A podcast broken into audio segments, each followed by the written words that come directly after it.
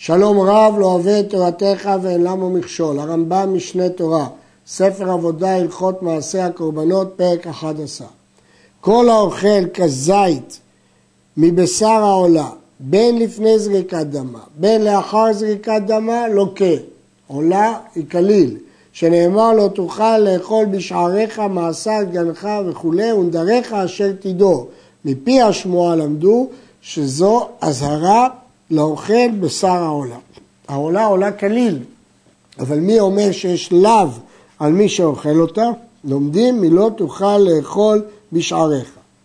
בהלכות מעילה, פרק א' הלכה ג', כתב הרמב"ם שמפסוק זה לומדים אזהרה למועיל בקודשים. ואם כן קשה, איך הפסוק הזה יכול להיות מקור לשתי מלכיות. ועוד קשה, למה הוא לא הביא לאו כליל תהיה לא תאכל, כפי שהוא בעצמו מזכיר את זה בהלכה ג'. המפרשים דנים בשאלה הזו. והחלב של העולה, ובשרה, והסולת, והיין, והשמן של נסחיה, חמשתן מצטרפים לכזית. כל החמישה האלה מצטרפים לכזית, אם אוכל חלק מזה, חלק מזה, חלק מזה. יש קצת קושי, שהרי יין הוא משקה, ושיעור משקין הוא בדרך כלל ברביעית, אז איך מצטרף יין? ועוד, שהרי יין לא היה מוכתר על גבי מזבח, אלא יורד לאישים. צריך להגיד שגם היין נקרא כליל. וכן האוכל כזית מכל האמורים, האמורים זה החלקים שמקריבים אותם על גבי המזבח, כמו שדיברנו, הם אסורים באכילה. בין לפני זריקה, בין לאחר זריקה, בין כהן, בין ישראל, לוקה. שההימורים כליל למזבח ככל העולה. והרי נאמר ברכת כהנים, כליל תהיה לא תאכל. כל שהוא כליל למזבח, אכילתו בלא תעשה, ולוקים עליו בחזית. לכן, גם עולה שכליל, וגם ההימורים שהם כליל, לא תעשה ולוקים. וכן, כל האוכל כזית מבשר החטאות הנשרפות, לוקה, שנאמר, וכל חטאת אשר יובא מדמה אל אוהל מועד, לא תאכל, באש תשרף. יש מחלוקת תנאים על מה הפסוק הזה מדבר, על חטאת חיצונית שהכניסו את הדם שלה בפנים שהיא תשרף, או על חטאת פנימית שמישהו אכל אותה. הרמב"ם בהלכות פסולי המוקדשים פסק רבי עקיבא שפסוק זה בא לפסול חטאת חיצונה שנכנס דמה לאחד. ואילו כאן הוא פסק כרבי יוסי הגלילי שהחטאת הזאת היא על חטאת פנימית. כך שואל הלחם משנה. וצריך לומר שפשט הפסוק שזה על חטאת פנימית, ומתוך האיתור לומדים גם החלטת חיצונה. כל האוכל כזית מבשר הקודשים, אפילו קודשים קלים קודם זריקת דמים, לוקה. שנאמר לא תוכל לאכול בשעריך מעשר דגנך וכולי ונדבותיך. כלומר, לא תוכל לאכול נדבותיך בשעריך קודם שזורקים דמם בשערי המקום. מפי השמועה למדו שזו אזהרה לאוכל תודה או שלמים קודם זריקת דמים. והוא הדין נשאר קודשים, בין קלים בין חמורים. ושישה דברים שבתודה, שהם החלב והבשר והסולת והשמן והיין והלחם, כולם מצטרפים לחז"ל. לכן עכשיו אנחנו לומדים עוד דין של מלכות.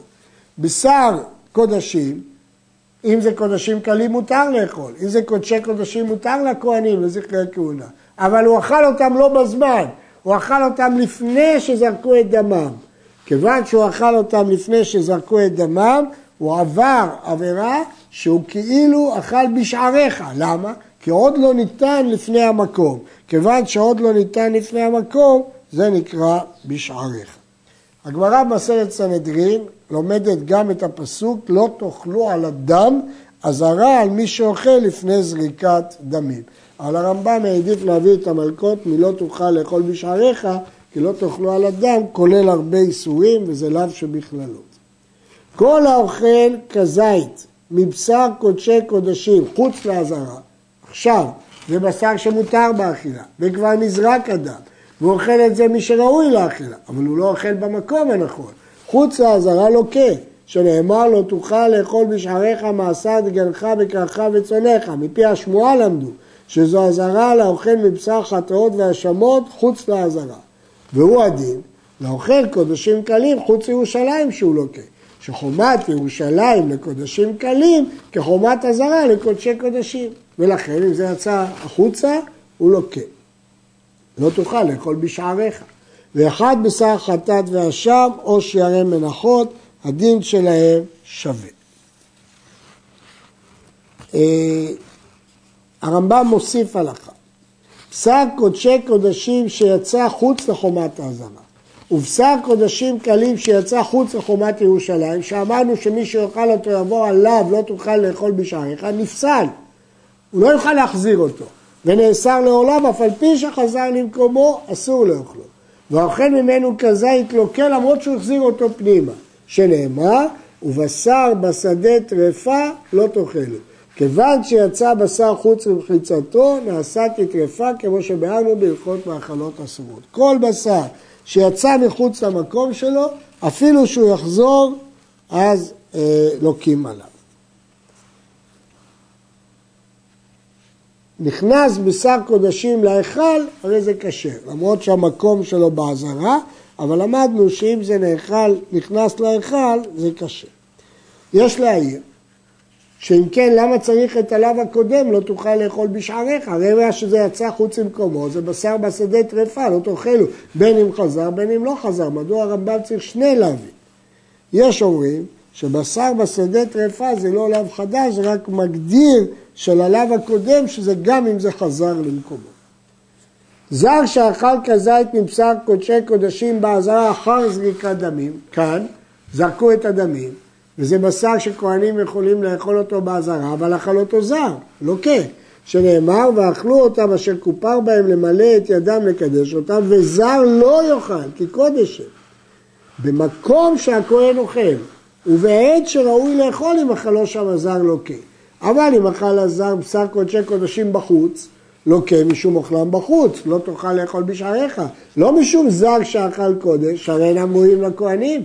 אז לא משנה אם הוא כהנים או זרים. וכן אם אכלם באזהרה קודם זריקה, לא כן משום אוכל קודם זריקה בלבד, לא משום זרות. כללו של דבר, זר לוקה משום זרות רק בשעה שהיה ראוי לכהן לאכול. זר שאכל כזית וחטאת העוף, לוקה שתיים. אחת משום זר שאכל את הקודש, כי זה חטאת רק לכהנים, ואחת משום אוכל נבלה, שכל מלוקה נבלה היא, הרי שוברים את המפרקת. וכשהותרה, מה שהתורה התירה לאכול עוף, חטאת לכהנים הותרה, לא לזרים. ואם תאמר הרי אין איסור חל על איסור, הרי שני איסורים באים כאחד, כמו שביארנו. כי שני האיסורים ביחד חלים בשעת המליקה. בשעת המליקה זה נעשה קודש, ובשעת המליקה זה נעשה נבלה, ולכן איסור חל על איסור, וזה אסור. עד כאן.